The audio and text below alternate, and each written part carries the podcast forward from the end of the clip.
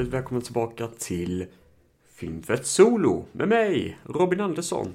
Eh, jag hoppas ni har det bra där hemma och eh, chillar av en skön sommar. Eller jag vet inte fan, sommaren kanske till och med är slut. Jag har ingen aning när jag hinner redigera avsnittet. Men um, ja, skitsamma. Nog kallprat. Vem fan åker med sånt? Det gör jag varje dag i mitt jobb i vilket fall som helst. Så. Uh, idag så ska jag snacka om utopi och dystopi film. Det vill säga eh, där man bygger upp att det här är verklighetens fantastiska teknik, fullt av möjligheter, men så finns det någonting som bara faller åt helvete, typ. Alltså någonting där man tänker, okej, okay, det här kan funka, men samtidigt är detta det negativa. Så på så sätt är det ju en stor skillnad mot postapokalyptiska filmer som jag tidigare i år har pratat om. Och eh, skillnaden där är väl att postapokalypsen har typ inga riktiga regler. Det handlar om att överleva day by day genom att göra hemska beslut. I utopi och dystopi är det tvärtom. Att man byggt om ett samhälle med många regler, många strukturer, en möjlig teknik som är byggd och gjord för att göra mänskligheten bättre. Men den mörka sidan är väldigt, väldigt mörk. Det är väl i stort sett typ min sammanfattning av utopi och dystopi produktioner. Så idag har jag en, två, tre, fyra, fem filmer att avhandla plus eventuellt då i alla fall en tv-serie som jag nyligen har sett. Eh, jag är inte jättebra på att sammanfatta tv-serier och jag har inte så jättemycket data och information, trivia och så vidare att delge mig om, utan jag vill bara snacka lite generellt om serien som helhet. Sen så ska jag också spela in när jag får in mitt lilla paket med filmer. Som jag beställt från um, um, Kvarn Video är det. Det var en jättestor beställning på Ja, det gick på typ 1800 eller något sånt. Det var tänkt att jag skulle eh, betala för ytterligare 100 spänn men det blev faktiskt inte av utan jag fick ett mail om att den filmen kommer inte komma med. Men eh, i alla fall så, eh, ja, när jag får hem den lilla varan så kommer jag packa upp det live eh, framför er då, vilket blir jäkligt kul. Men det är ju då och nu är nu. Och eh, jag tycker vi sätter igång och snackar lite grann om dagens första film. Vi ska be oss in i en 70-talsproduktion där ålder eh, inte riktigt spelar så stor roll eller ja, vad ska man säga, alltså man, det gäller att leva ett väldigt gott och livfullt liv, men väldigt, väldigt kort liv. För blir det över åldern av 25, har jag för mig det ska vara, så eh, dör du, helt enkelt. Jag pratar om filmen Logans Run. Filmen kom ut 1976 och här i Sverige kallas den för Flykten från framtiden. Vilket är faktiskt en jäkla god titel. Jag tycker om den faktiskt väldigt mycket. Den kanske inte passar just den här filmen, men jag gillar den titeln. Flykten från framtiden. Jag har också för mig typ att det fanns en, svensk film som har samma titel. Någon sån eh, film med han... Eh, åh, vad heter han igen? Han från Grotesco.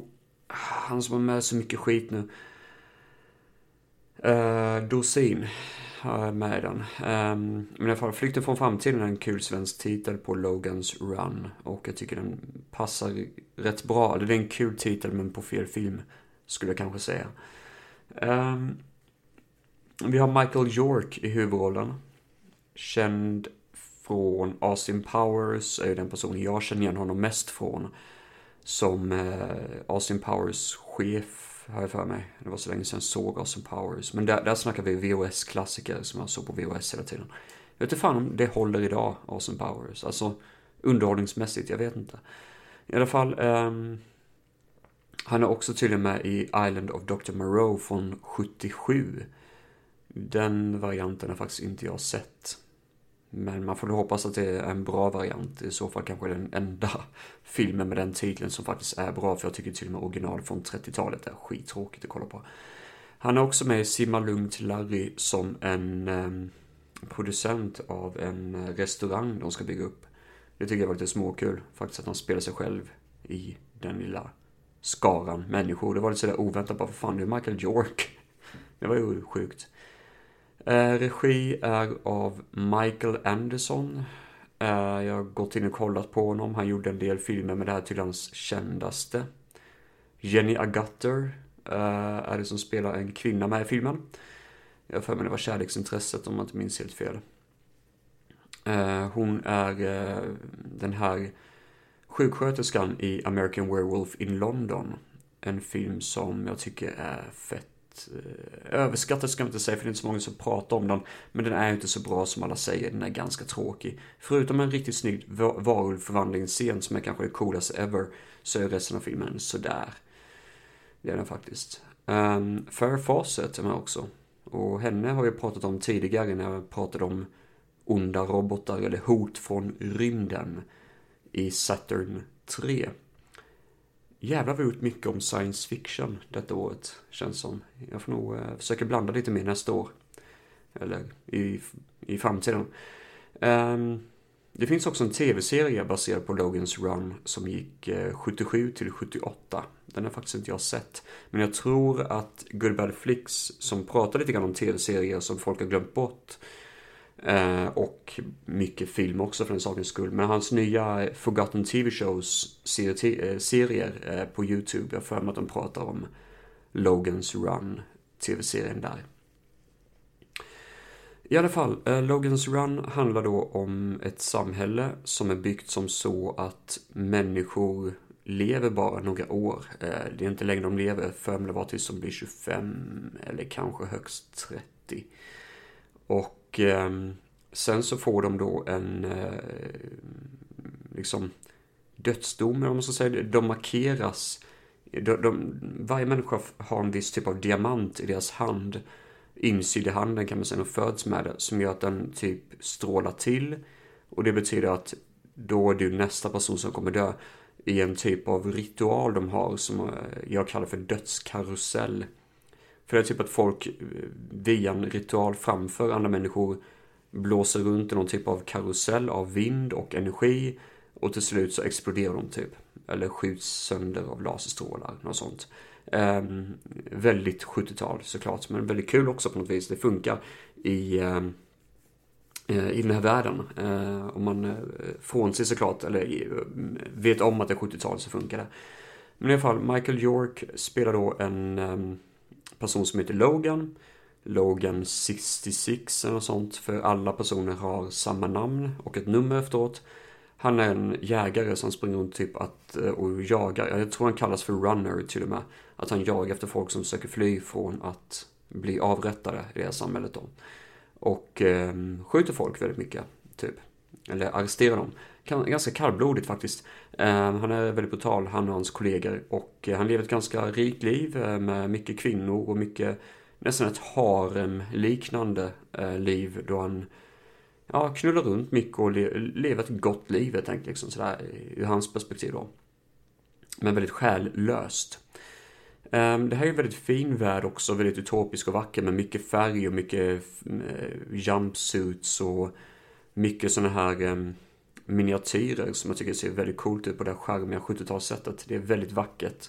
Um, enligt mig faktiskt så är det hela, hela filmen bärs ju väldigt mycket av att den är så otroligt snygg att kolla på. Visuellt så är det roliga miljöer och de har verkligen lagt mycket tid och pengar på att få filmen att se så cool ut. Det finns bland annat en staty som ser ut som en hand eh, gjord av stål, har jag för mig. Som jag tycker är så jäkla cool och det ser ut nästan som att det är ett köpcenter som eh, det utspelar sig just eh, många delar av filmen är inspelade. Det, det, känns som det i alla fall. Jag vet inte om det är som det känns otroligt mycket köpcenter över det på ett så härligt eh, energiskt och sprulande sätt. Det är en fin film visuellt. Och eh, jäkligt snygg på Blu-ray också. Jag har ju en Blu-ray-utgåva av Logans Run som jag tycker är fan. Ja, jag är väldigt glad att jag har den faktiskt. Um, I alla fall. Eh, Logan får ju det här, eh, det är hans tid att dö. Och eh, han är inte så jätteförtjust av det här så han försöker fly. Vilket gör då att han springer på till slut då den här kvinnan Jenny Agutter den här sjuksköterskan från American Werewolf då. De, de träffas på något sätt, jag minns faktiskt inte riktigt hur, jag ska väl säga det var typ ett år sedan jag såg filmen så jag minns inte riktigt detaljerna. Och jag har mm, alltså bestämt mig ändå att inte gå in för mycket med att se en trailer på det här utan jag kommer återberätta så gott jag kan. Eh, men de träffas i alla fall och ska hjälpa varandra att fly. Eh, han försöker dra med henne att fly från staden, det här samhället. Och eh, hon tror att det inte finns någonting utanför för det är så de har blivit uppvuxna och vet att det här är den enda staden som finns. Men ehm, så får de veta att det finns någonting som kallas för gamla världen. The Old World. Och ehm, ja, de har, har lite hinder på vägen, på vägen dit. Det här är en väldigt påhittig film med eh, många jävligt roliga grejer. Jag, jag gillar det här med Old World exempelvis. När de möter en gammal man som de kallar för The Old Man som eh, lever där. Han är lite halvgalen och han lever med några katter. Och jag vet inte fan, det bara känns så skönt och gött med att de faktiskt ser en relik som, alltså en byggnad som ser ut som att den kommer från Washington typ. Um, har för mig det var Vita huset kan det vara. I en överväxt djungel typ där Ja, det måste vara Washington DC som var äh, överväxt och till synes obebodd. Och det är så otroligt vackert. Alltså som sagt var, den här filmen är så jäkla snygg. Um, vi har ju också en klumpig stor retro-robot som typ, alltså jag vet inte vad han gör, han är typ någon typ av is, eh, något isberg där folk har blivit fastfrusna i is. Alltså jag fattar inte riktigt det. Jag, jag har för mig att zonade ut lite grann och såg just den delen. Men jag bara kommer ihåg att jag tyckte det var så jäkla skumt att kolla på. Och han är jätteklumpig och jätteful men på det där goa sättet. Eh, det där 70-talssättet som sagt var, allt som funkar med filmen är väldigt bra ur ett 70-talsperspektiv. För det är det som är charmen. Alltså, det är ingen långsam film, den är påhittig och det händer grejer på ett väldigt kul sätt. Så det här är inte den här tråkiga slow burn 70-tal, utan en mer knarkig, påhittig, kul 70-talsfilm. Um, ehm, det är lite sekt över filmen också, som jag berättade här med dödskarusellen och allt det där. Så det finns en massa saker, en massa element som faktiskt gör filmen väldigt underhållande. Och Alltså jag hade lätt kunnat se det här en fredag och bara njuta, för det här är fan kul att kolla på liksom. Eh, det är ganska coola vapen med för mig, riktigt häftiga, nästan Blade Runner-doftande, långa, nästan lite grann åt Robocops-hållet skulle jag säga. Långa pistoler med kraftiga mynningar när den avfyras. Och eh, ett datasystem i den här staden som är eh, de skulle ju göra det som en 3D-animation. Eller någon typ av att de skulle göra nästan virtuell verklighetsgrej över det. Men tekniken funkade ju inte riktigt så de fick bara halvjobba in en eh, eh animation, alltså att man bara filmade en person och snurrade runt på en stol så skulle det se ut som att det var 3D-animerat typ. Eh, det funkar ju inte riktigt idag men det var ändå eh, ett bra sätt att lösa någonting som ändå var väldigt innovativt. Så det här är en väldigt innovativ film med rolig design och som sagt var väldigt glödande i 70-tals estetik. Ehm, sen vill jag minnas att musiken är ganska gosig också, det är ganska god musik i det. Ja, så det... är... Logans Run är faktiskt en jävla god film alltså, fan jag... Ju mer jag pratar om den så bara eh, undrar om det inte är en av mina favorit sci-fi filmer. Kanske lite grann guilty pleasure-nivå i så fall, eventuellt, men ja, det är något jävligt gott över den. Jag ler när folk nämner Logans Run. För man bara liksom, ah, den har jag fan sett och det är fan en god film liksom. För det, det är ju en sån film som nämns rätt mycket i såna här böcker, hundra sci-fi filmer du måste se innan du dör, typ sådär liksom. Och ja, jag håller fan med, den är fan god. Um, Får ni möjligheten till det så check it out. Det är en kul film. Och nu ska vi hoppa vidare till något mycket mer modernare faktiskt, för jag känner att jag vill sprida ut detta så mycket som möjligt. Vi hoppar från det glada, sjungande, starka, färgstarka och påhittiga till något mer kallt och stelt och sterilt. År 2002 i filmen Equilibrium, även känd som Cubic.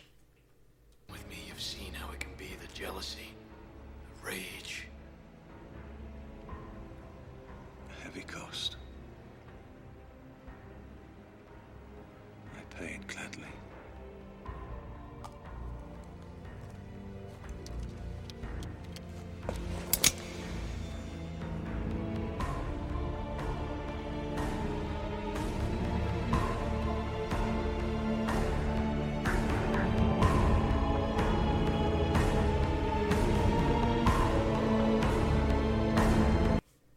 Två tusen två som sagt var. Eh, där har vi eh, en film av Kurt Wimmer. Och då tänker man, vad fan har han gjort? Oh boy, nu ska vi dyka ner i någonting som ni absolut inte vill höra när det gäller Kurt Wimmer. Jag har faktiskt för mig att det Kurt Wummer, men jag tänker nog helt åt helvete. Ah, märkligt. Ja. Skitsamma. Uh, han skrev remaken på Total Recall. Och där kan man snacka om dystopi då vi faktiskt lever i en helvetesvärld då de gjorde en remake på Total Recall. Och den är så jävla tråkig. Helvete, den tar ju fan aldrig slut. Och det lustiga är att jag trodde också att han skrev manuset till Robocop. Jag har faktiskt inga, jag har faktiskt bara scrollat till dem lite snabbt vad han skrivit. Jag vet inte fan om han gjorde den också. Men han skrev regin, eller han skrev manuset på remaken till Point Break. Och den har jag aldrig sett, jag har inte sett något av Point Break. Men jag känner det var fan. Ja, herregud. Um, han har också regisserat Ultraviolet. Som ska vara en ofantligt jävla dålig film. Så det här doftar ju inte gott. Men eh, det behöver inte betyda att filmen är dålig, bara för det. Vi har Christian Bale i huvudrollen som John Preston. Vi har Sean Bean i rollen som Patridge. Han är inte med så mycket, men han har en viktig roll i alla fall. Han var typ med i början av filmen. Emily Watson spelar Mary. Och då menar, då menar jag inte Emma Watson, jag menar Emily Watson. Det är hon som var blind i Röd drake, vill jag minnas. Jag minns faktiskt inte om det var Manhunter eller Röd drake. Nu börjar det faktiskt köra ihop sig lite så jag kommer faktiskt inte ihåg vilken film hon är med i någon av dem. Hon spelar blind i någon av de filmerna i alla fall. I Hannibal Lecter-filmerna där. Um, uh, hon spelar Mary då i den här filmen som sagt var. Uh, sen har vi karaktären The Father som spelas av Angus McFadden. Och så har vi Sean Partwee också då som är med i filmen. Och um, ja, jag ska, ja alltså Sean Partwee är mest känd för Event Horizon och Dog Soldiers. Men i alla fall, skitsamma. Storyn då, på filmen. Det är att John Preston, eller rättare sagt samhället vi befinner oss i är en värld där man inte får ha känslor. Känslor är förbjudna för det är det som leder till krig och orättvisor, vilket makes sense egentligen. Så det är en väldigt steril, kall värld där folk inte får känslor, vilket är en ganska kul idé. På, på pappret i alla fall. Men sen är det utförande som är lite sådär. För um, Christian Bale spelar då John Preston som är typ en agent som har uppdrag då av The Father som styr det här sterila samhället. Att eh, radera allt som är känslor och göra. Alltså det vill säga typ folk som slutar ta en känslodödande medicin som alla är tvungna att ta. Som man inte kommer ihåg namnet på. Eh, ett preparat som alla måste ta, men det finns folk som inte tar det och det gör då att han måste jaga ner dem och avrätta dem eller eh, tvinga dem helt enkelt att ta medicinen, typ arrestera dem eller whatever. Och det är då ett jobb som både han och Sean Bean har, men så tycker han att Sean Bean beter sig lite konstigt och eh, Sean Bean ska lämna in en bok till en eh, ja, ett arkiv som man har där alla känsloframkallande objekt finns, det vill säga böcker, musik och eh, allting som ger känslor som gör då att människor måste, det måste bevaras från samhället. Man bränner exempelvis sönder en Mona Lisa i början på filmen som är ett original då. Så allt som har med känslor att göra måste avrättas och eh, försvinna. Men ehm, då inser det eh, Christian Bale att Patridge, det vill säga Sean Bean, att han har inte lämnat in det objektet, vilket gör att han måste döda honom i en kyrka. Och det är egentligen startskottet till allting, att eh, John Preston råkar få slut på sin medicin och börjar få känslor och inser att holy fuck, är det så här det känns när man har känslor typ?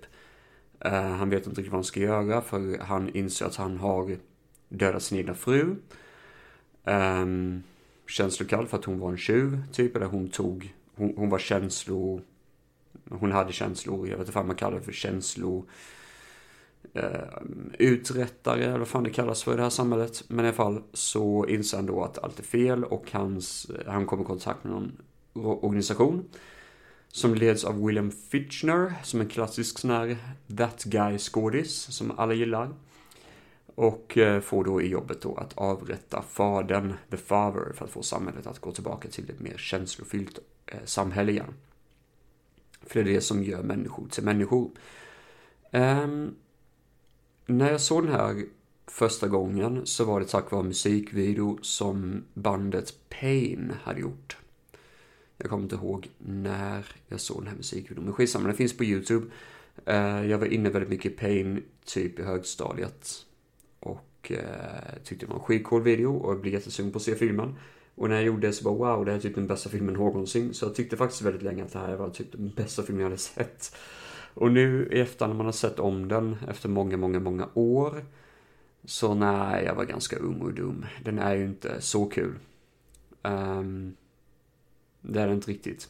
Det är uh, en bra idé, men det är ganska ful action som inte riktigt funkar, typ. Och det är 2002 på ett sätt som inte riktigt håller ihop jättebra.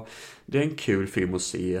Men det är ingen seriös film som man sitter och liksom wow vilket djup den här filmen har. Utan man sitter bara och har det kul åt idén egentligen. Det är många skådespelarprestationer som man känner, ja men de här människorna kan ju inte spela känslokalla för de har ju tydligt känslor. Och det är många scener man tänker, ja men det är uppenbart att den här människan känner känslor, kan du inte arrestera eller märka någonting på den här personen. Sådana saker eh, som bara makes no fucking sense. Um, Uh, Kurt Wimmer, regissören då, hittade på den här unika stridsstilen där hemma i sin trädgård. Där han kombinerade både pistoler och eh, alltså kung fu-aktiga moves. Um, och eh, ja, det var en speciell stridsstil som är ganska lik ehm, jag vet inte vad det heter, men man använder typ eh, en speciell strid, eh, strid med mm, eh, batonger typ. Det hette någonting unikt. Jag har inte riktigt ordet i huvudet. Men den striden tillsammans med pistoler, tillsammans med kung fu, så det blir som en gun fu-aktig historia då. Det är en scen i filmen med som bara tydligen tog 30 minuter att filma. Då Christian Bale ska pistolwippa en massa skurkar då, en massa fiender. Han tar sin pistol och typ slår den till höger, vänster, höger, fram och tillbaka. Jag håller på så liksom jättemånga gånger och ser skitsnabbt ut. Och den tog bara tydligen 30 minuter att filma den scenen, vilket är fucking unbelievable. Jag vet inte om man ska tro på det, men... Um, ja, det är ju rätt sjukt faktiskt, för den ser ju jävla cool ut. Uh, sen var det faktiskt tänkt sig att Daniel Radcliffe, Ehm, det här var ju, man kan säga typ under tiden som han spelade in eh, Harry Potter, att han skulle spela Prestons son, men det blev tydligen inte av. Eh, utan det föll på en annan person som kunde då spela känslokall. Även om unga Daniel Radcliffe såklart var väldigt bra på det. Han var väldigt bra på att spela känslokall. Det var typ det bästa han kunde göra i de tidiga Harry Potter-filmerna. Lilla Harry Potter. Han är, han är mycket roligare nu tycker jag faktiskt. Nu är han faktiskt en jävla rolig gubbe liksom. Eller gubbe ska jag inte säga men han är en sån snubbe. Man, jag tror han är jävligt kul att hänga med Daniel Radcliffe. Tycker, eh, han tycker man ju ändå om. Um, i alla fall, eh, det här är en eh, halvt kul film.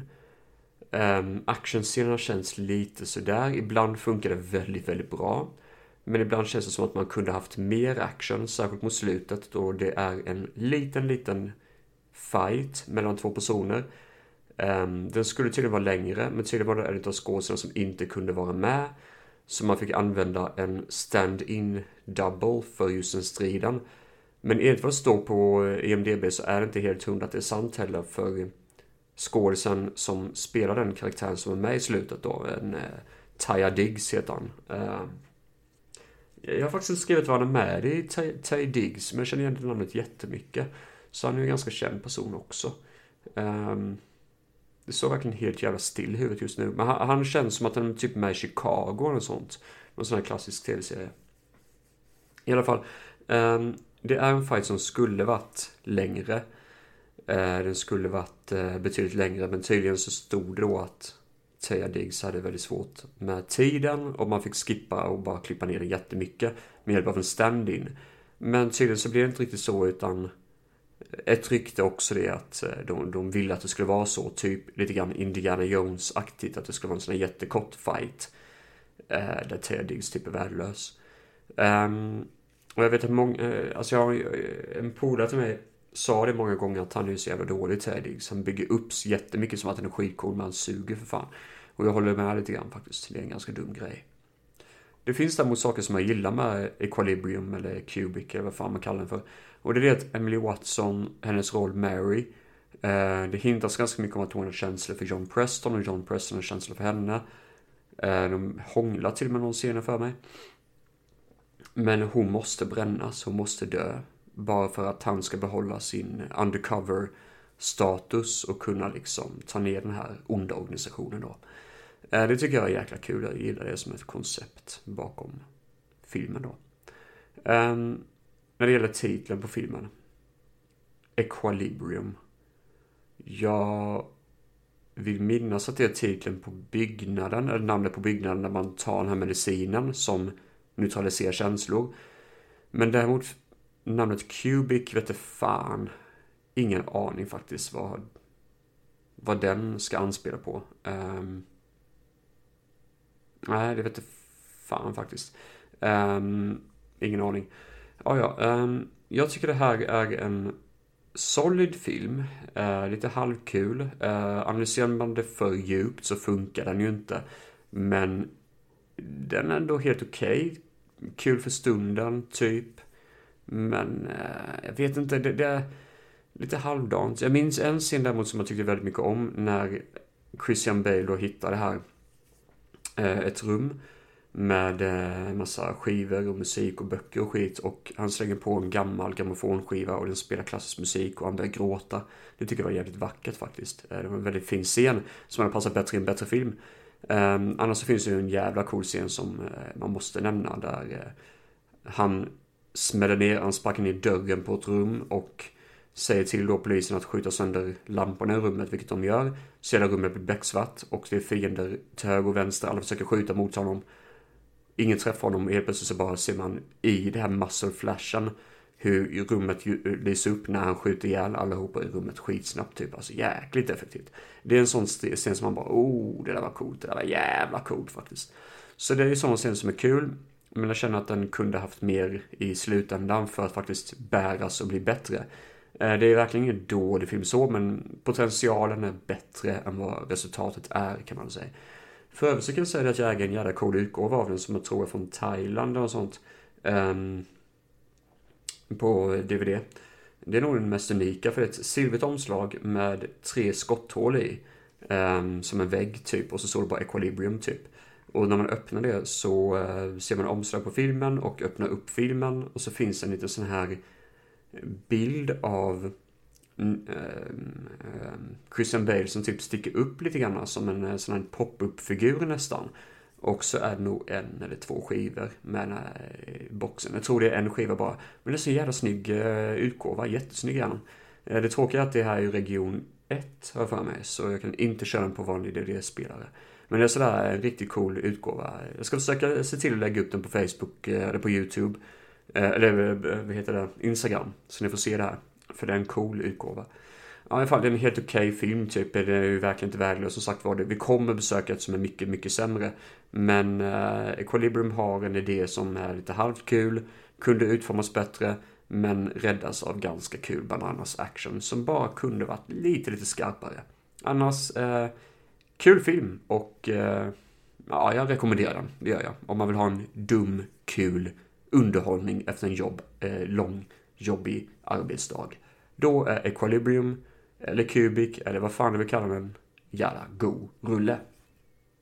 Nu hoppar vi vidare till 1997. Och vi ska prata om biogenetiska saker och ting. Um, och eh, det här är en ganska klurig film att sammanfatta. Men ja vi pratar om Gattaca, helt enkelt. I can't turn around without seeing my own face. They'll recognize me. They won't recognize you. They'll recognize me! I don't recognize you. They won't marry the eyelash to you. They won't believe that one of their elite could have suckered them all this time. No, no, no, no, no. We change nothing. We do as we planned. You're Jerome Morrow, navigator first class. I'm not Jerome Morrow. I'm a murder suspect. What, what are you doing? What are you doing? That's more than a day's work. Wait. We can't stay here. Stop that! Oh, fine. Fine. You leave if you want. No, but you're not taking that stuff. That stuff is mine!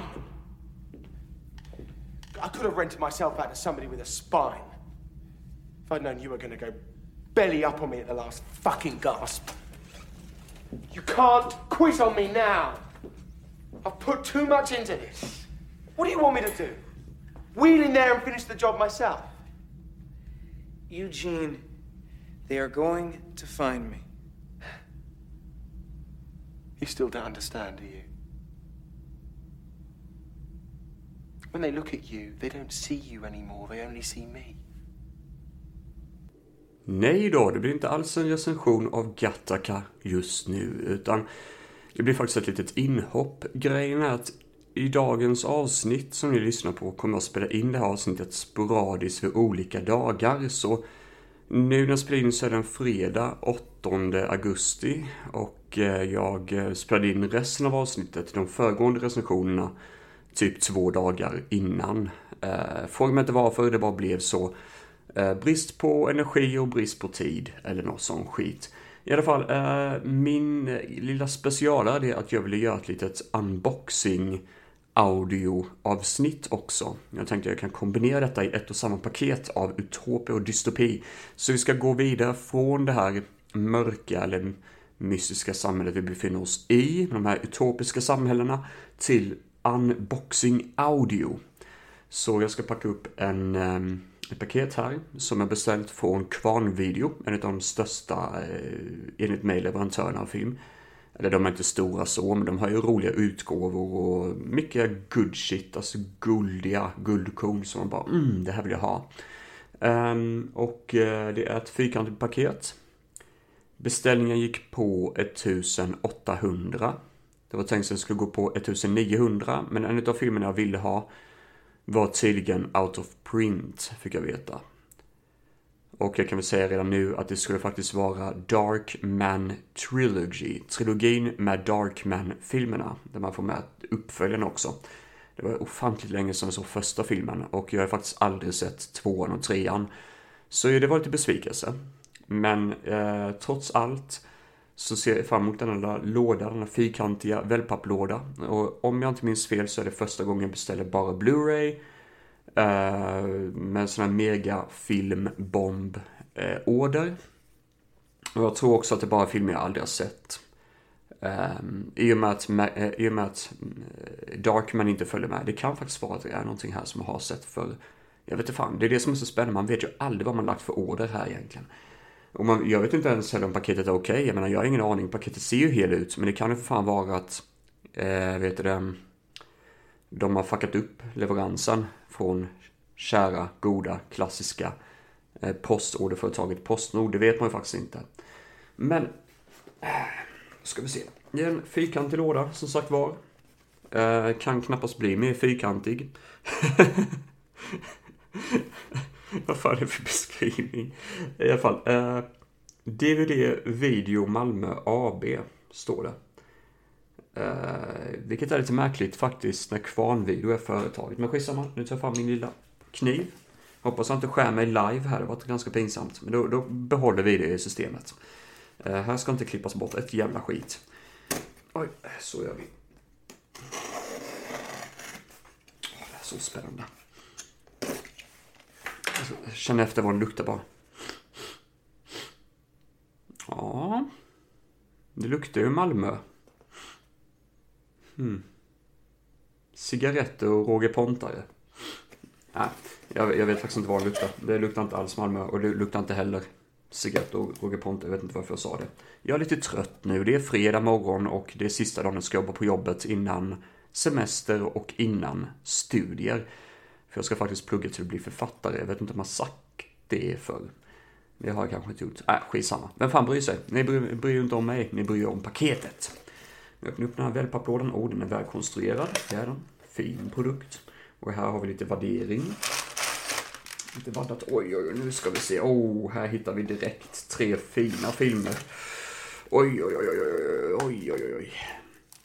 Ni som lyssnar på Bad Lieutenant-avsnittet kommer säkert ihåg att vi pratade lite lätt om Copland. Eh, där en smålönfet Sylvester Stallone ska vara alkoholist. Och jag blev ganska såld på den. Jag tänkte, vad fan, det här låter ju jäkligt intressant faktiskt. Så jag köpte faktiskt den. Copland på Blu-ray. Ja, nu när man ser på baksidan så ser man garanterat att han ser sleten ut, Sylvester. På ett bra sätt såklart. Han skulle se ut så såklart, men... Ja, det var oväntat faktiskt att se honom i den makeupen. Stallones best turn sen Rocky, så på baksidan. Ja, det här låter ju fan intressant. Och så är det Ray Liotta med, vilket är ganska kul, för han gick ju bort för inte så länge sedan. Plus att jag har ju faktiskt sett om en av mina favoritfilmer eh, häromdagen, eh, Goodfellas. Ja men Copland, det här, fan. Ja, tack så mycket Josef eh, för rekommendationen. Jag skrev till dig direkt när jag beställde filmen. Här har vi någonting. If you thought that Sex and the City 2 was a stomach churner, you ain't seen nothing yet. Long before playing one of Carrie Bradshaw's best gal pals, actress Christine Davis found herself up against an altogether different kind of horror in 1987's Doom Asylum. A raucous mix of gore, gags and goth girls group galore. Doom Asylum från Arrow Video. Och omslaget är så, oj, så jävla coolt. Det här är ju en galen vetenskapsman eh, i vad som ser ut som att vara ett nedbommat eh, sinnessjukhus.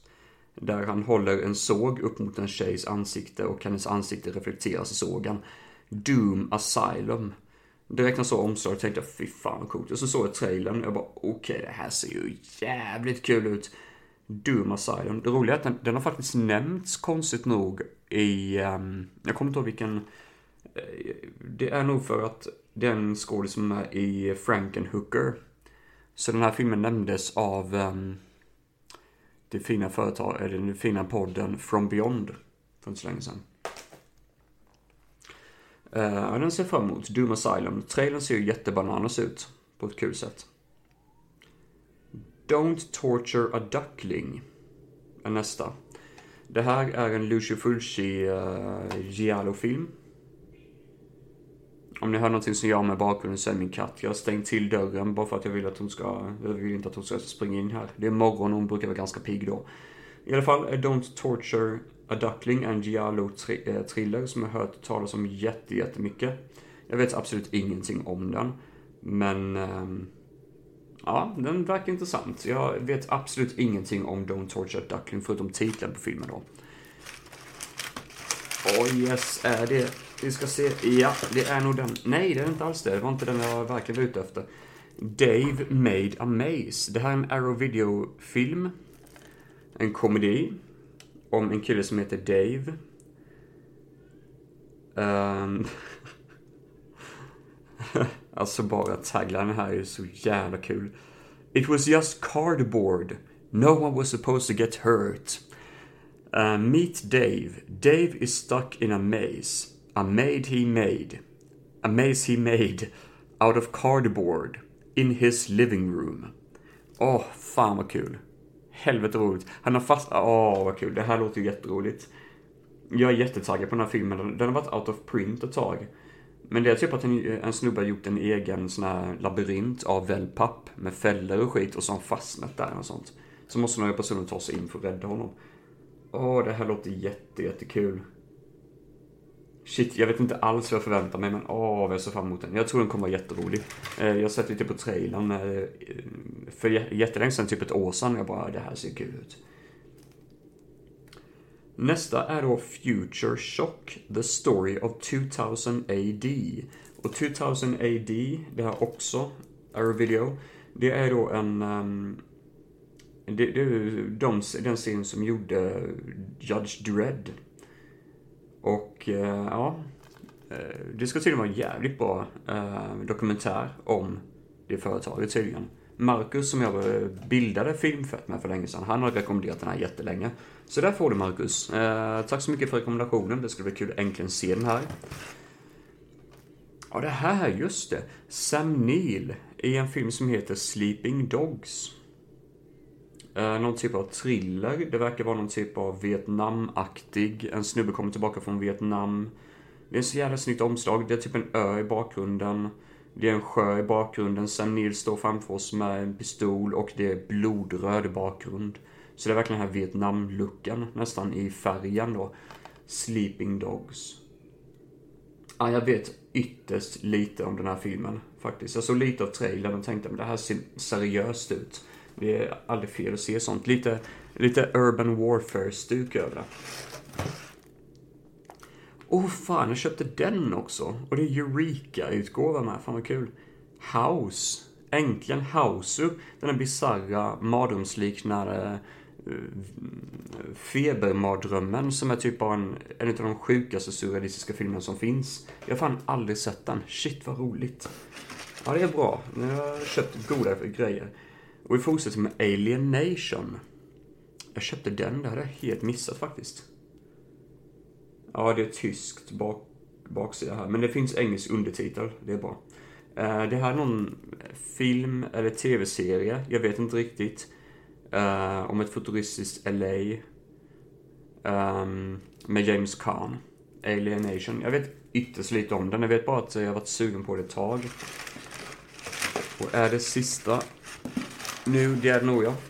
Ja, det är det. Oj, oj. Nej, det är näst sista faktiskt. Ja, jag hade faktiskt en DVD som kom med. Men skitsamma. Näst sista är också en Arrow Video-utgåva. Och det här, oh, den här jag väntat på länge. He came from the swamp. The William Greffey Collection. Det här är sån här swamp rotation-film från 60-talet. Det är en kollektion av en, två, tre, fyra... Nej, det var fan åtta filmer. Ja, åtta filmer. Oj, var det så många? Sju filmer plus en dokumentär. Fan vad spännande. Shit. För det här är typ sån här Swamplotation. Alltså han har spelat in de här filmerna i träskmarken och det är typ 60-talsfilm. Åh, oh, jag står nästan och dreglar här. Um, jag såg trailern och tänkte direkt det här måste jag ju se för köper jag inte den jag kommer hata mig själv. Den skulle faktiskt kosta 1000 spänn på sidan. Men när de gick ner till typ 400 och sånt så jag kände jag bara direkt det, detta är ju givet. Och titlarna, fan vad roliga titlarna. Åh vad kul. Whiskey Mountain. They came from the swamp. Det kanske är dokumentären då. Det låter så. The Naked Zoo. Mako, Jaws of Death. The Hooked Generation. Och den här låter kul. The Psychedelic Priest. Sting of Death. Och den här tydligen gillar med. The Death Curse of Tartu. Åh, oh, vad roligt. Åh, oh, shit. Alltså jag, jag, saknar ord på det här. Det här låter jättekul. Jag, jag, vet inte vad det är. Det är det som är så kul. Jag vet absolut ingenting om det här. Men He came from a swamp, the William Graphic Collection. Swamplotation, om det är det, för det låter som att det är det. Fan vad kul. Det här är garanterat någonting som jag kommer att... Killer Sharks, and Human, Jellyfish and Living Mummies, Oh My. Arrow Video is proud to present the first ever collection of works by William Wild Bill Greffey the maverick filmmaker who braved the deep, dark depths of the Florida Everglades to deliver some of the most outrageous exp explosion fare ever to go go dance its way across drive-in screens. Jag har aldrig hört talas om honom och jag är så jäkla taggad på detta. Åh, oh, shit vad kul. Det kommer garanterat bli ett avsnitt här på Filmfett Solo. Utan tvekan. Och sist men inte minst, det är faktiskt en DVD. Vad synd jag breakade mitt egna intention. Men det är Brawl in Cellblock 99 från regissören bakom eh, Bone Tomahawk. Med Udo Kier, Don Johnson, eh, Vince Vaughn. Det är typ en av hans kändaste. Ehm, jag gillar ju verkligen, alltså, eh, Bone Tomahawk är jättejobbig att se. Men det är en väldigt välgjord film. Och likadant ehm, ehm, um, Um, Dread across, across Concrete också riktigt bra, tycker jag i alla fall. Men det är kanske ingen film man ser om. Men ja, men eh, det, det, det är kul. Det ska bli kul att äntligen se. Fasen vad roligt. Det är ju som rena rama julafton för en annan människa. Men, eh, nu har jag gjort min unboxing. Jag ska se om det var något mer som inte kom med. Jag ska bara kolla på min lilla följesedel. Det vet man ju aldrig. Nej, vi är de som kom med. Det var inget mer. Det är Darkman Trilogy som inte fanns då. Um, som sagt var. Nej, men fan vad spännande. Det var skitkul. Men nu är vi äntligen framme vid Gattaca från 1997 av Andrew Nicole. Som, jag har inte skrivit ner det här, men jag för mig faktiskt att han gjorde både manuset och regi bakom eh, filmen. Eh, han ligger bakom bland annat Truman Show, som är en fantastisk film såklart, men också In Time. Ja. Nej, den filmen behöver vi inte direkt prata om så mycket, den är ganska skev. Men i alla fall, Gattaca har Jude Law, Uma Thurman och Ethan Hawke i huvudrollerna och taglinen är så jävla underbar. The prisoner, his cell, säger man. Fan vad bra. Det, oh, det passar så jävla bra med filmen. Uh, nu ska jag försöka återförklara filmen så bra som möjligt. Uh, på bästa möjliga sätt. Jag kommer inte säga karaktärernas namn, för i ärlighetens namn så kommer jag inte ihåg dem. Men det är bättre att säga skådespelarnas namn då. Um, Ethan Hawke spelar en uh, människa som är född precis som alla andra, uh, typ i vår vanliga värld. Uh, genetiskt då, alltså föräldrarna bestämmer sig att de vill föda ett vanligt barn. Men i den här framtiden så kan man gå in i olika laboratorier och eh, beställa barn genetiskt med hjälp av något genetiskt experiment, typ. Och det är det som framtiden i Gattaca handlar om, att alla barn föds genetiskt, alltså via ett laboratorium. Där man får välja exakt hur personen ska vara med 100% hälsa, 100% möjligheter att ha en jättebra framtid. Med hög intelligens och allt möjligt. Och Ethan Hawke eh, föds ju som ett barn som har lite hälsoproblem. Och eh, i stort sett den enda, eh, alltså högsta han kan få som anställning är typ som städare i stort sett. Det är inte mer än så. För människor är ju inte lika intelligenta i den här världen och alla intelligenta biogenetiskt odlade barn får bättre framtid. I Gattaca är det också det att man kan resa till andra planeter, vilket är en sån här eh, Space Shuttle som man kan åka med. Och det är någonting som Ethan Hawke länge ville göra, men eftersom att han har hälsoproblem så får han inte göra det. I alla fall så är det då att han springer på en person som spelas av Jude Law en kille som sitter i rullstol som, ehm, ja, han mår ju rätt skit. För att han sitter i rullstol då, annars så hade han varit genetiskt perfekt. Men han är alkoholist, mår piss och är intelligent och ganska snobbig av sig. Och det är ju inte Ifrån Haak, men då erbjuder sig Jude Law att du kan få min identitet eh, för en summa pengar. Jag kommer inte riktigt ihåg vad de gjorde för, vad han skulle tjäna på det. Men det är nog att Jude Law tjänar på det att hans namn får leva vidare, att hans föräldrar tror typ att han lever ett bra liv när han egentligen sitter i rullstol och eh, lever ett skitdåligt liv. Något sånt där, att han, hans legacy lever vidare. Så för en stor summa pengar så bestämmer de sig då att jobba tillsammans. Um, Ethan Hawke får bränna bort sitt, eh, sitt riktiga ID och har på sig såna här fejkade eh, tummar typ, alltså plasttummar för att kunna liksom identifiera sig som Jude Law och leva hans liv i stort sett. Eh, väldigt anonymt men ändå väldigt bra. Eh, för ingen vet riktigt hur Jude Law ser ut typ. Så de ändrar lite grann vissa saker, typ vilken höjd han har och han får gå igenom vissa hälsotester och sånt. För hans mål är ju återigen då att åka i en sån här Space Shuttle till en annan planet. Eh, men för att göra det så måste han då gå igenom en massa tester och sånt och han gör verkligen allt i hela filmen för att se ut som Jude Law. Medan Jude Law dricker och super och gör allt vad han kan för att dölja då att han sitter i rullstol när folk kommer på besök och sånt. Eh, det låter kanske inte jättekul på papper, jag tyckte den lät lite sådär. Men så var det att den är med i den här boken över hundra bästa filmerna, science fiction-filmerna. Och när jag såg filmen så insåg jag varför, för det är en så jäkla genomtänkt och bra film när det gäller logik. Um, det är så jäkla fiffigt gjort den här filmen. Uma Thurman jobbar på företaget som Ethan Hawke jobbar på när han går undercover som Jude Law. Så det är sån här identity swap typ av film i stort sett då, där båda två rycker ihop lite grann sådär. Och polisen jagar efter någon typ av mördare på det företaget som Ethan Hawke jobbar på. Och man vet ju inte riktigt vem mördaren är.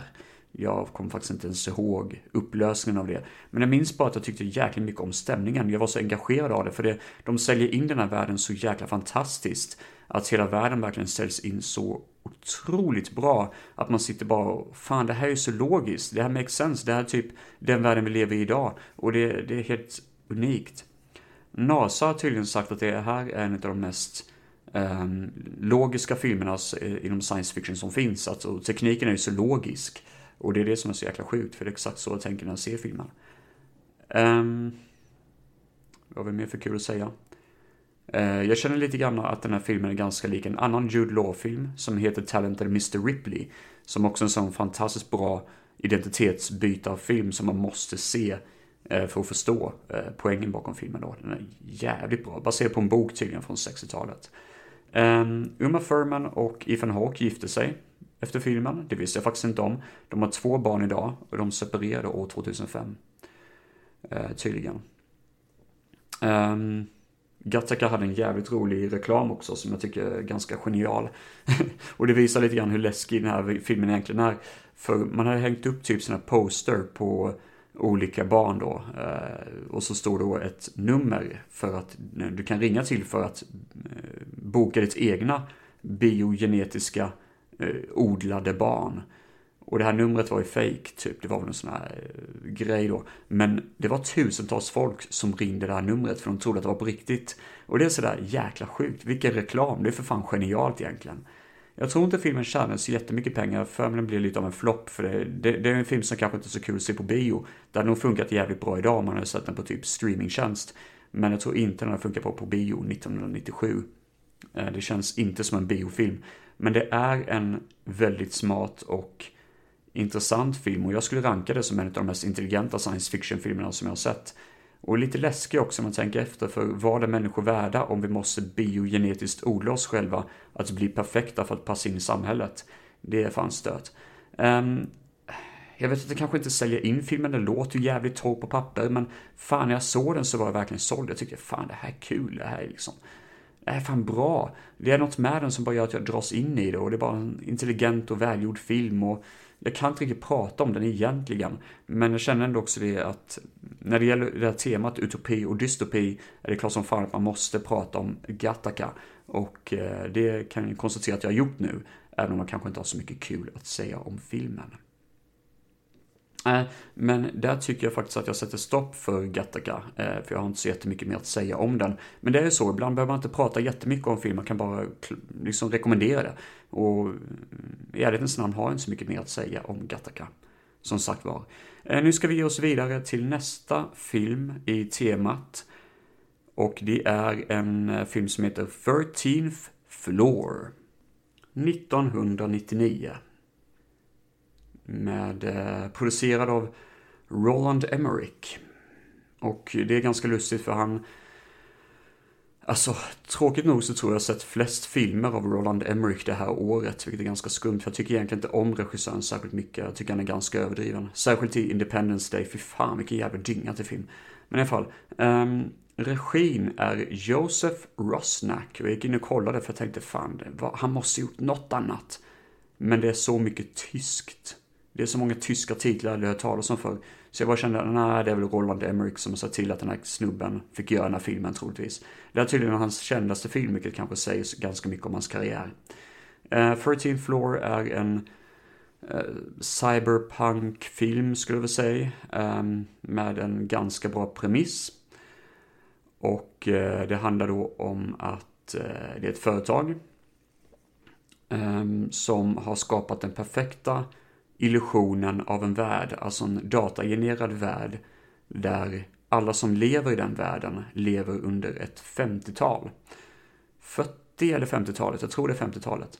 I en sån här eh, Chicago under 50-talet, tror jag.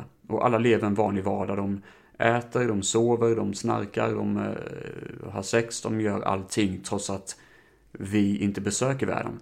Men så är det då att man använder maskin för att hoppa in i identiteten av en människa som lever i den här världen som ser ut exakt som dig, typ.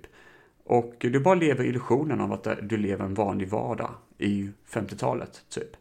Um, men de här avatarerna, de här påhittade figurerna du träffar, de är ju intelligenta, de är ju inga robotar, de har ju känsloliv och lever sina egna liv. Så de blir lite mindfucked om de skulle få veta att verkligheten de lever i är fake, att allt är bara fake. Eh, som ett, spe, som ett spelbräde typ, och det är ju det som händer eh, i filmens gång.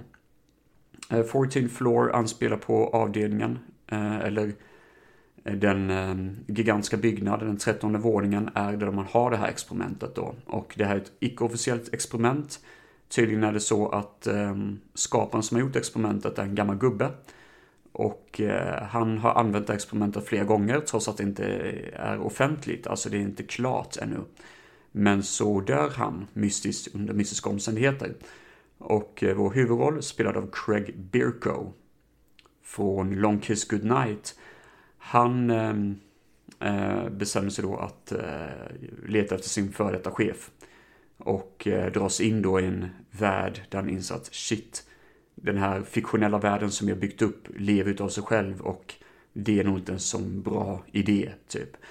Um, Craig Birko är väldigt, väldigt lik Angus McFadden som spelade The Father i, eh, eh vad heter det? i eh, Equilibrium, Cubic. Jag var faktiskt helt hundra att det var han. Jag, jag trodde verkligen bokstavligt att det var han. Men jag gick in och kollade på hans, eh, eh, alltså vad han har skådespelat i förr. Jag bara, nej men det är ju inte han. Vad fan, jag tyckte det var jättelikt honom, men det är det inte. Eh, han, är, han är mest bara känd från Long Kiss Goodnight och jag tror han spelar skurken i den filmen om jag inte minns fel. Det var jävligt länge sedan jag såg den. Jag minns den som ganska okej, okay, men ja. Ehm, jag har för mig det var en fight i den filmen på typ skridskobana. De använder en skridsko, har jag för mig. Och eh, det är också en av de bästa rollerna, enligt mig då, med Samuel L. Jackson. Han spelar en privatdetektiv. Det är ju så jävla coolt. I alla fall, um, med i filmen har vi eh, Gretchen Mol, som är mest känd från Boardwalk Empire. En serie jag faktiskt inte har sett, men det är värt att nämna. Hon spelar typ en fem fatal i filmen. Och eh, Vincent de Onafrio som spelade eh, en av de bästa Marvel-skurkarna någonsin. Han spelar Kingpin i Daredevil-tv-serien. Fantastiskt bra faktiskt. Eh, tydligen finns det en bok som heter Simulacron 3. Som är en av de första böckerna någonsin som berättar om VR-teknik. Den kom år 1960 och jag tror att 13 Floor typ är halvt baserad eller inspirerad av den boken. Eh, jag vet inte varför, men det står någonting på EMDB, The First VR Book. Jag, jag fattar inte varför de skriver det på den här filmen, så det känns som att den måste vara baserad på 13 Floor. Eller att 13 Floor är baserad på den boken. Jag vet inte fan. Eh, en annan rolig fakta är det att Craig Birko har en eh, eh, lägenhet, eller en byggnad, som han är i, eh, som har samma dekor som Blade Runner har eh, i Deckers lägenhet. Och det är faktiskt samma byggnad som filmen är inspelad i. Så båda filmerna har samma inspelningsplats, 13 Floor. Det finns en annan Roland Emmerich-film, eh, Moon 44 tror jag, som eh, också använder samma byggnad, det kommer jag ihåg. Eh, den utspelas också tydligen år 2024, så om två år är vi där. Tydligen i 13th Floor. Sen är det så att vad jag har problem med när det gäller den här filmen, för det är många problem. För det första är det typ att det ska vara en deckarhistoria som utspelar sig i VR-värld och det låter så jäkla kul. Man bara tänker fan det, det här är spännande. 50-talsdeckare typ som utspelar sig i 50-talet, bara det att 50-talet är påhittat. Det låter ju skitnice. Men det är så tråkigt att kolla på. Det är snabbt man bara zonar ut. Det händer inte mycket action, det händer inte mycket thriller. Själva mysteriet är ganska vanligt, typ att en snubbe blir mördad. Och jag vet inte fan, det, twisten med det funkar inte riktigt. För när man kommer till twisten typ runt sista akten av filmen så känns det lite sådär. Jag hade redan sett på omslaget av filmen i vilket fall som helst, det alla gjort så de får ju redan filmen spoilad. Men eh, det är ändå en, ah, halvt intressant men ändå så jävla puckad. Jag kan lika gärna berätta spoilern för det spelar ingen större roll. Men Craig Birko visar sig att han är i... När han vaknar upp i den världen där han har påhittat, alltså uppfunnit den VR-tekniken, visar sig att den världen han lever i är också påhittad VR-värld. Så en värld som är gjord i virtuell teknik har lyckats kliva in i ytterligare en värld som också gjort i virtuell teknik. Så båda världarna fejkade och det är så jävla dåligt. Det funkar för fan inte. Det är bara dåligt gjort där. Dåligt, dåligt, dåligt. Um, så det blir då att Craig Bierko spelar tre karaktärer. Han spelar Craig Bierko, sig själv, huvudpersonen. Han spelar Craig Bierko, uppfinnaren som har gjort båda VR-världarna. Och han spelar då snubben under 50-talet som ser ut precis som honom själv fast med lös mustasch. Och det låter ju precis lika tråkigt som det faktiskt är. Det, det är fan eh, torrt är det. Vincent D'Onofrio tycker man ju om och han gör ju ändå filmen lite edge, han har ju fan energi. Det har ju inte Craig Bierko, han är så jävla tråkig som huvudroll. Han är torr och bara äh, deppig att kolla på. Han är inte ens kul när han är skurk, han är bara... Fan vad han måste vara uttråkad när han gjorde den här filmen. Jag vet inte fan, det är någonting med han som bara gör att jag stör mig på honom. Han är så generisk, alltså tråkig generic actor typ. Ja, det här är fan ingen höjdare, den är riktigt jävla dålig. Och nu är det andra gången jag ser den. Första gången tyckte jag den var okej. Okay. Andra gången så bara insåg jag, jävlar vad den här filmen är tråkig. Det här var ju inte alls, det händer för fan inte mycket. Och twisten är bara dum. Det är bara en dum jävla film är det. Nej, så den använder material som skulle kunna funka, men jag hade absolut inte placerat den någonstans i närheten på de bästa science fiction-filmerna. Jag hade kanske lagt den som miss, mest misslyckad potential, skulle jag säga. 13 floor. Nej, den är rätt rövig. Men eh, ja, vi kan ju inte avsluta där, utan jag tycker faktiskt vi hoppar vidare där till år 2002.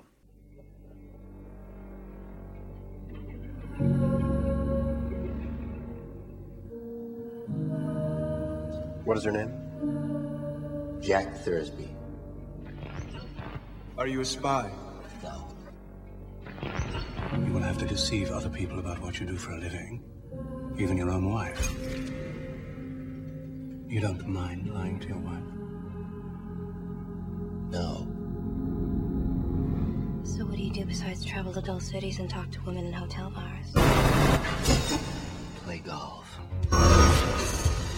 You're lying when you say that your name is Jack Thursby. You're lying when you say that you are not an undercover agent.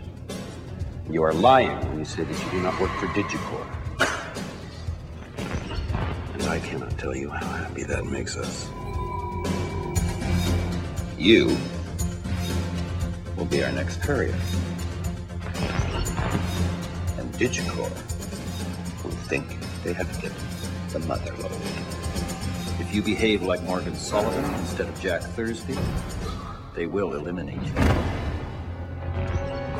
Is really going on? If you want answers, take the shot. Cyper, även känd som Brainstorm. Detta är en... Alltså, det är fan svårt att förklara den här filmen.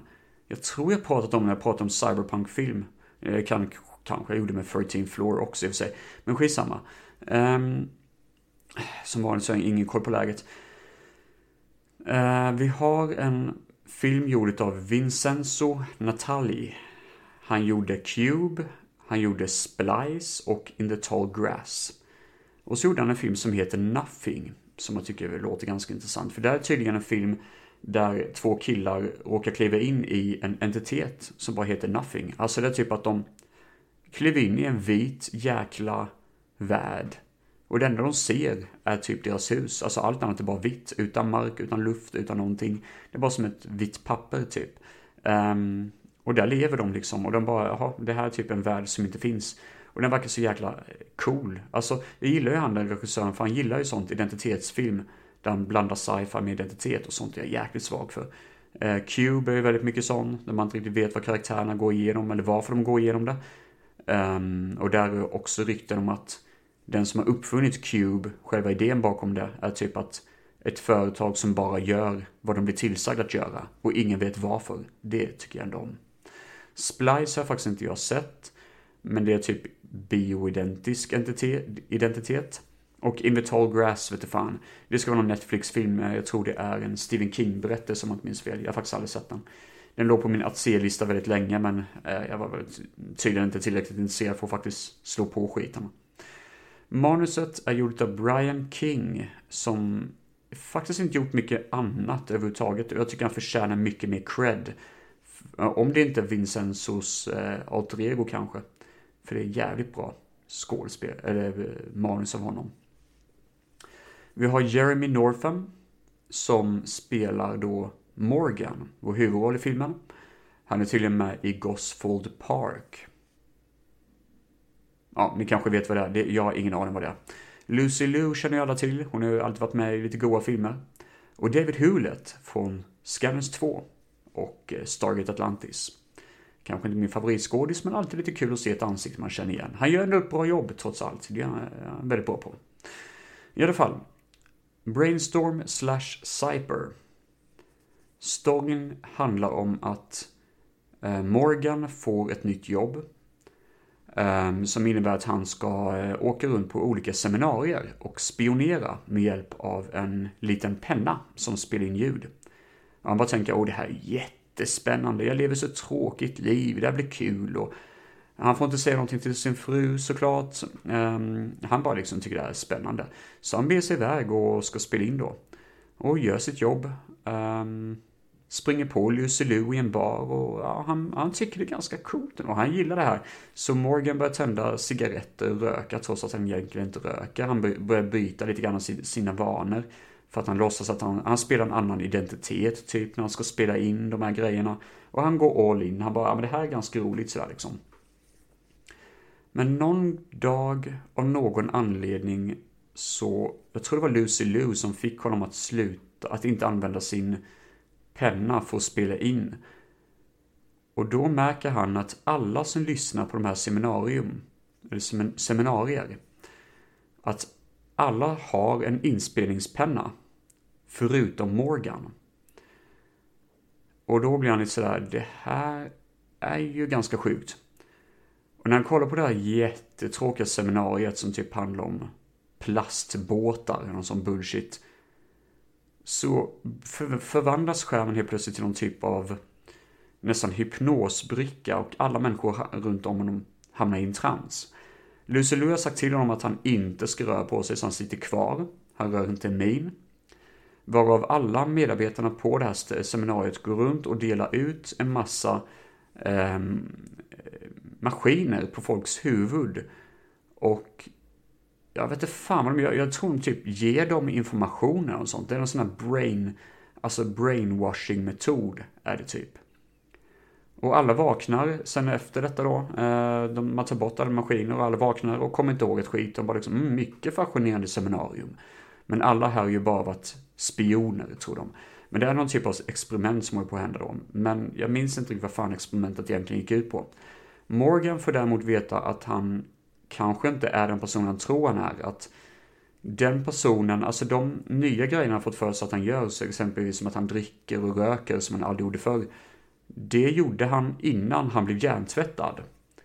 Så han, det är lite sån här Freaky Friday, lite total recall över det, att han är på väg att komma tillbaka till en person han var innan.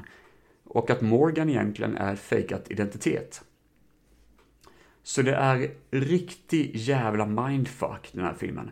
Första gången jag såg den så var jag mindblown. Jag tyckte den var skitsmart. Jag tycker fortfarande den är så jäkla smart. Dataeffekterna är ju inte så mycket att hänga julgranar med, men det spelar inte så stor roll för det är en god film. Den är väldigt välgjord, väldigt välskriven. Eh, och eh, ja, så fan. Det är bra skådespel. Jag gillar att han Jeremy Northam är lite långsam i huvudet. Han är lite seg i skådespelet. Det, det är lite nerdy, lite geeky, lite, lite lustigt sådär. Men det funkar ändå så jävla bra i filmen. Och David Hewlett är typ med som en bricka i spelet av eh, vad nu som håller på att hända Brainstorm slash Cyber. Jag vet inte varför filmen egentligen inte fick mer cred, för jag tycker garanterat att det här är en av de bästa science fiction-filmerna, en av de bästa manus jag sett och den borde fan få så mycket mer uppmärksamhet. Um, och jag gillar ändå det här eh, dystopiska med företag som spionerar på varandra, att det är en stor grej i den här framtidsvärlden. Och att det är verkligen en sån här mindfuck. Och att människor används som typ brickor i ett spel som de själva inte förstår. Det är ganska lustigt om alla människorna faktiskt är hemliga spioner. Men bara används i någon typ av, mm, liksom, um, ja, någon, någon, typ av okänd uh, eh, anledning, typ. Um, det sista jag berättar idag är att jag har kollat lite grann på en tv-serie som heter Westworld, som alla säkert känner till.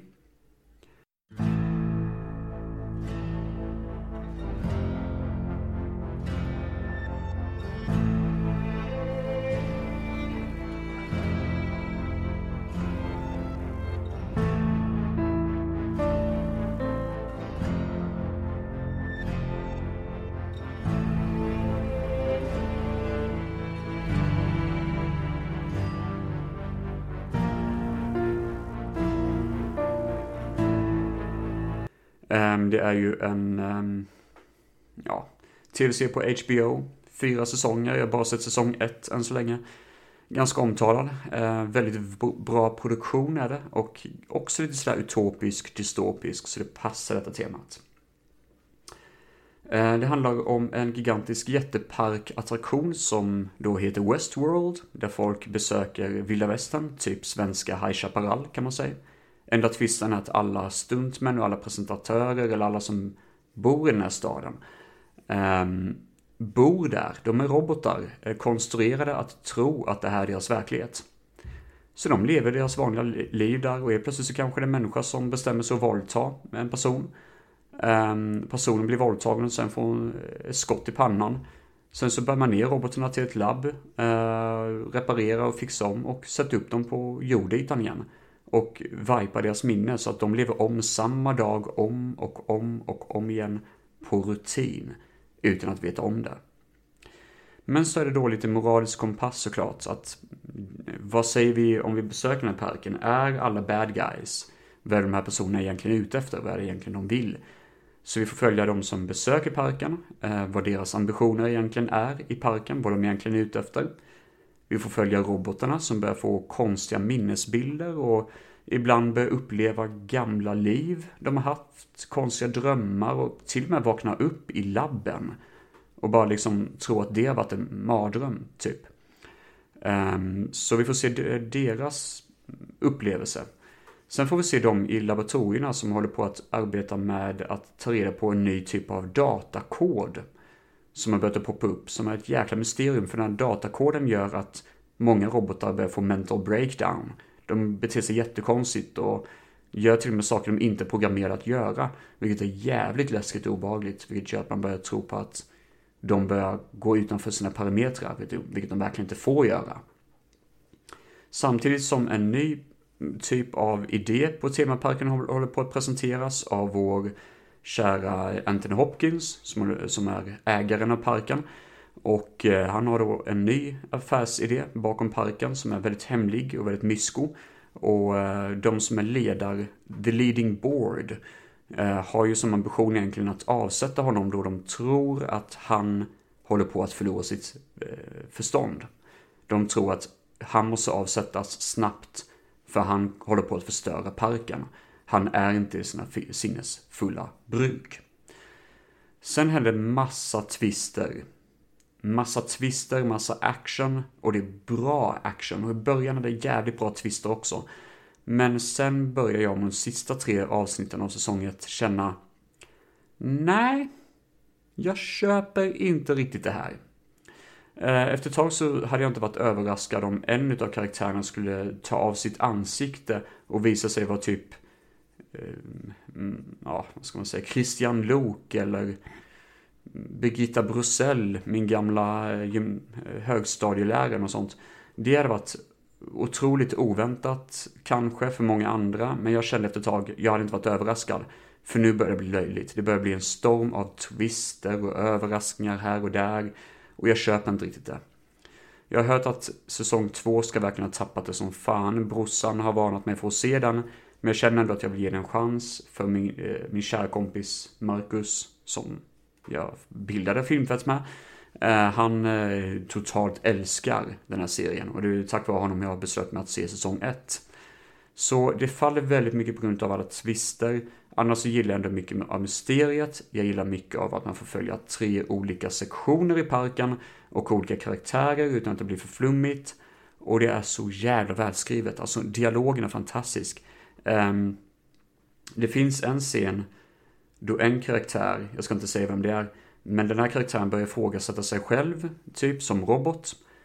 Och eh, den här karaktären får se dess egna tales, liksom, eh, pattern. Eh, hur den pratar och hur datorn tänker ut vad den ska säga härnäst. Och jag bara tänkte, oj, det här är ju jävligt välskrivet. För jag tänkte på det att alla robotar i den här parken har sitt egna tals, eh, talsätt. Man har tänkt igenom det här väldigt väl. Det, det är som ett algoritm, eh, alltså en algoritm av Ska det vara en badass cowboy, du säger de här sakerna. Och även om du byter ut ord från jag älskar dig eller jag hatar dig så kan det bli jag älskar hästen eller jag älskar hunden. Typ. Eller, förstår ni jag menar? Att man liksom sådär byta ut ett enda ord bara för att få konversationen att verka levande. Men det är inte riktigt levande. Och det är så fiffigt gjort, det är så smart gjort. Sen så är det så coolt att se en riktig rökig actionserie med coola actionscener för det är badass att se vilda västern shootouts. Det funkar så bra i serien. Och um, alltså det jag gillar tror jag ändå kan väga upp det negativa ganska bra.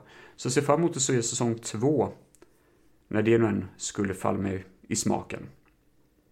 Eh, ja, det var väl det helt enkelt jag har att säga om Westworld. Eh, väldigt bra serie, rekommenderas. Väldigt bra skådespel såklart. Eh, vi har ju eh, också han som, jag kommer inte ihåg vad fan heter, han som spelar um, Jer nej, Jeremy Lito håller på att säga, nej det gör, det gör inte alls det. Han spelar James Bonds kollega, eller kompis, i de senaste James Bond-filmerna. Um, Felix Leiter spelar han. Jag, min, jag minns fan inte vad han heter den skådespelaren, men han är så jäkla bra. Eh, riktigt bra skådespelare faktiskt. Och eh, han tycker jag var en av mina favoritkaraktärer i serien. Tillsammans med huvudskådespelerskan. Huvudrollen är ju helt jävla underbar. Hon är riktigt speciell. Eh, fantastiskt bra. Och hennes pappa också. Alltså när, när den pappan får mental breakdown. Det är fantastiskt.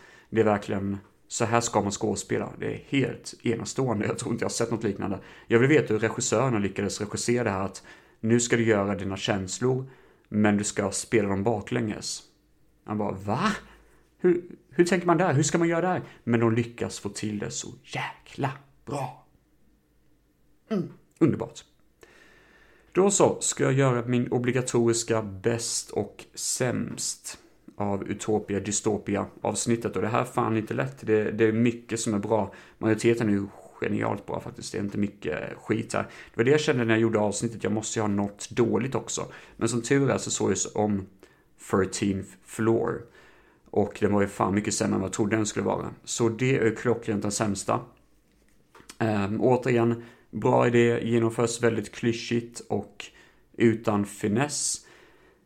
Och man har sett mycket bättre. Se Dark City istället. Det, det låter klyschigt men det, det är mycket, mycket bättre variant av 13th Floor. Ja, fan. Till och med Matrix är bättre och då gillar jag inte ens Matrix så mycket. Ehm, ja. Hipster som jag är. Så 13th Floor, absolut sämst. Nästa får jag nog säga Equilibrium. Underhållande såklart, men eh, egentligen för ologiskt för att kunna genomföras ordentligt. Men det är verkligen ingen dålig film, det är en kul film, men det är ändå liksom, ja, en TV6-underhållningsproduktion kan man säga. Och då tror jag de flesta fattar vad jag menar när jag säger TV6-film. Så eh, inget dåligt med det. Eh, nästa då. Hmm. Jag får nog säga Gattaca, tror jag. För även om det var en bra första filmsupplevelse så tror jag inte jag kanske hade gillat den lika mycket andra gånger jag ser den. Eh, men det är verkligen en film jag rekommenderar i vilket fall som helst, även om jag kanske inte tycker den är så bäst. Om man säger så. Och det är man två stycken som man står och slåss med just nu då. Men jag tror jag måste säga Logans Run som näst bäst. För det är en jävligt rolig film, eh, en av mina favorit science fiction-filmer. Men den är ju väldigt mycket en produkt av sin tid. Och eh, kanske inte så intelligent manus eventuellt då. Sist men absolut, absolut bäst. sist men absolut bäst. Vad fan menar jag med det? Eh, Brainstorm, a.k.a. Cyper. En av de bästa science fiction-filmerna som finns. Otroligt intelligent och eh, bara en god jävla upplevelse. Nu får jag tacka för mig för att ni lyssnar på det underbara avsnittet. Nu ska jag gå ut och klappa katt lite grann, för hon vill nog ha lite uppmärksamhet. Um, som sagt var, följ mig på Instagram, Filmfett heter jag där och jag finns också på Facebook, Filmfett heter jag där. Följ även också Arcane Saga på Filmfett, är ni snälla, det vore ju toppen. Snoppen toppen. Ha det så jävla underbart allihopa. Ta hand om er nu. Och, eh, ja. Runka bulle. Nej, nej usch, Robin, så säger man inte. Hej då!